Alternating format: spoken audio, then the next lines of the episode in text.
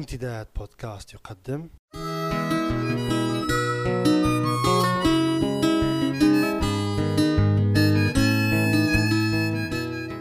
رسالة من لندن. مع جمعة بوكليب.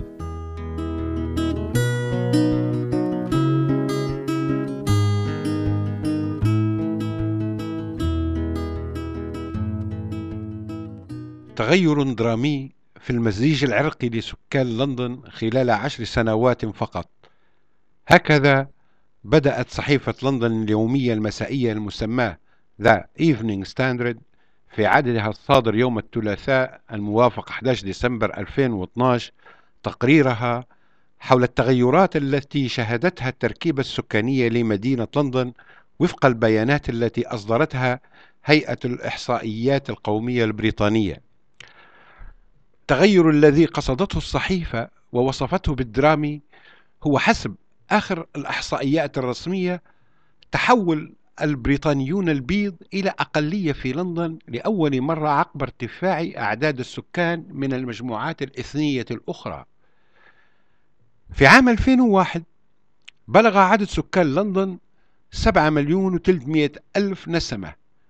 وكانت نسبة السكان من البريطانيين بيض البشرة تبلغ 58% وخلال السنوات العشر التالية ارتفع عدد السكان إلى 8 مليون و200 ألف نسمة وبلغت نسبة السكان البريطانيين من بيض البشرة 45% أي أن نسبتهم تناقصت بنسبة 13% عما كانت عليه عام 2001 ويوضح التقرير أن الأسباب الرئيسة وراء التغير تعود إلى تزايد أعداد السكان المولودين في بلدان أخرى ويعيشون في لندن حيث وصلت نسبتهم إلى 37% من مجموع سكان العاصمة في حين أن نسبتهم خلال عشر سنوات مضت لم تتجاوز 25% الإحصائيات الجديدة تقول إن أكثر المجموعات الإثنية عددا هم الهنود ويشكلون نسبة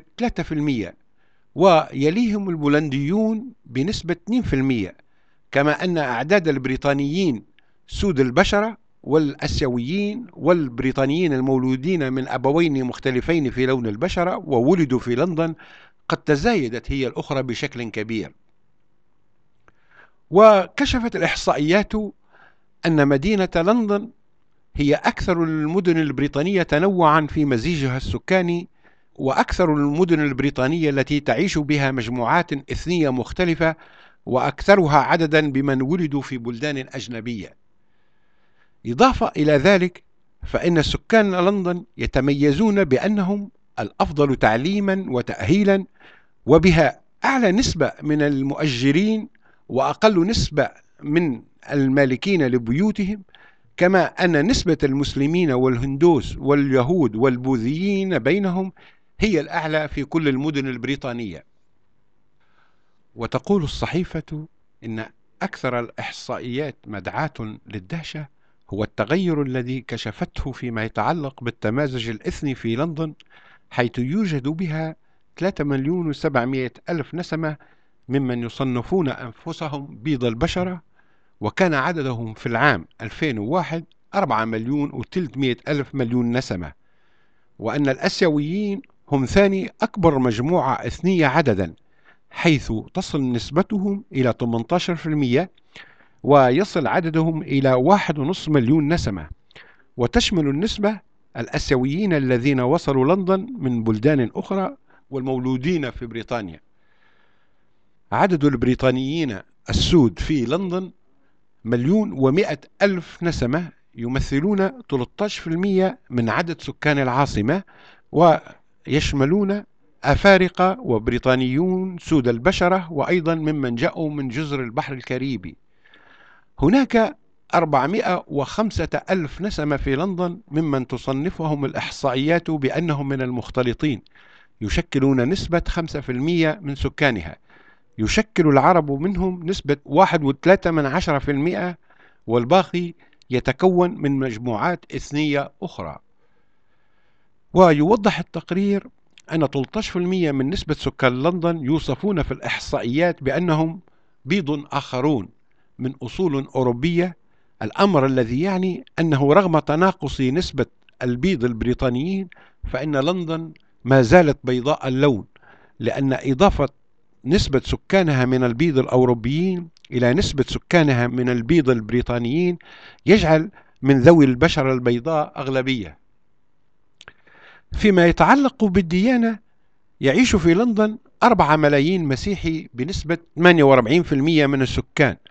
وهذه النسبة كانت في السابق أي في العام 2001 58% بمعنى أن نسبة سكان لندن من المسيحيين تناقصت خلال عشر سنوات بنسبة 10% تعداد المسلمين اللندنيين يصل إلى مليون مسلم ويشكلون ثاني أكبر مجموعة دينية بعد المسيحيين وتصل نسبتهم إلى نسبة عدد السكان في لندن 12% وكانت نسبتهم في العام 2001 8% فقط أي بزيادة 4% بالإضافة إلى ذلك فإن أكبر نسبة من الهندوس في كل بريطانيا تعيش في لندن وتصل نسبتهم إلى 5% في حين أن نسبة السكان اليهود تصل إلى 2% ويشكل البوذيون نسبة 1% في حين أن عدد من يقولون أنهم لا دين لهم يصل عددهم إلى مليون وسبعمائة ألف نسمة.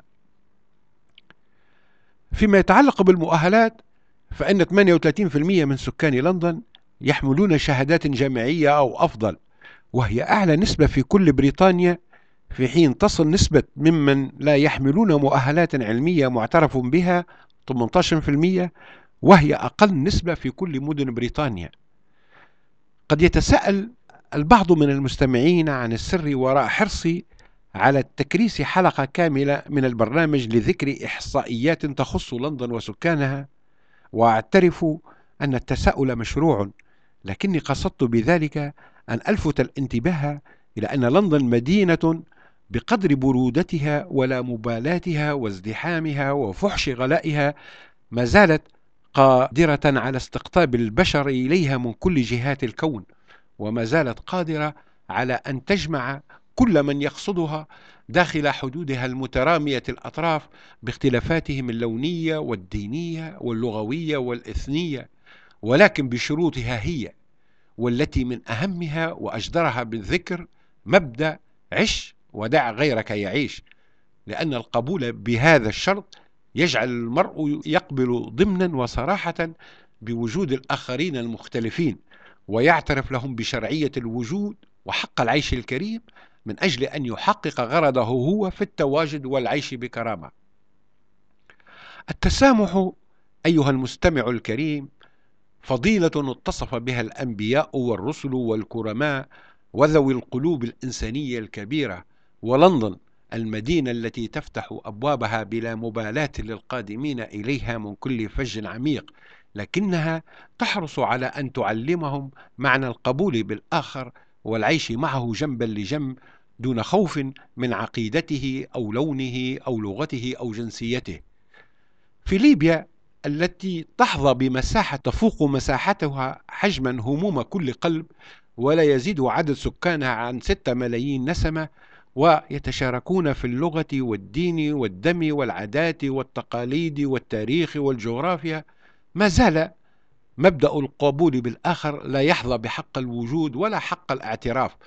عقب انتفاضة 17 فبراير المجيدة يؤكد ذلك وفي وطن مترامي المساحة والاتساع تضيق المساحة المتاحة أمام أفراده في العيش لأن مبدأ عش ودع غيرك يعيش لا مكان له بعد ولأن مبدأ الوطن يسع الجميع باختلافاتهم ما زال محل ريبة وشك ولأن التسامح كمبدأ وكفضيلة لم يجد طريقه إلى قلوبنا بعد. الحقيقة أنه قبل أن تصل لندن إلى ما هي عليه اليوم كما يقول التاريخ كان عليها أن تدفع ثمنا باهظا لتسلط الرأي الواحد وكان عليها أن تنزف دماء غزيرة وعزيزة قبل أن تتمكن من الوصول إلى صيغة اجتماعية مشتركة تتيح للجميع العيش داخل أسوارها وحدودها بحرية وبدون خوف وتفتح أمام الجميع أبوابها للمشاركة في تقرير مصيرها ومستقبلها وحين تمكنت من ذلك بعد عقود زمنية طويلة لم تعد تخاف من شيء أو من أحد ولا تبالي بأحد. وحتى نلتقي مجددا أتمنى لجميع المستمعين قضاء أوقات طيبة.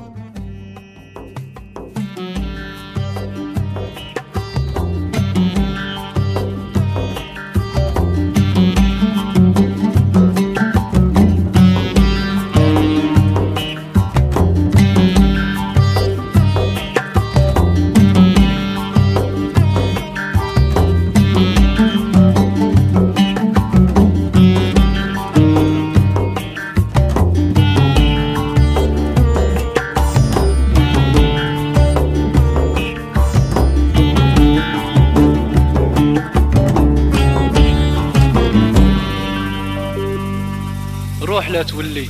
الناس تعبوا من قهرك. تحب الكرسي. الكرسي منك مبري. ما هز الهم غير الفاهم.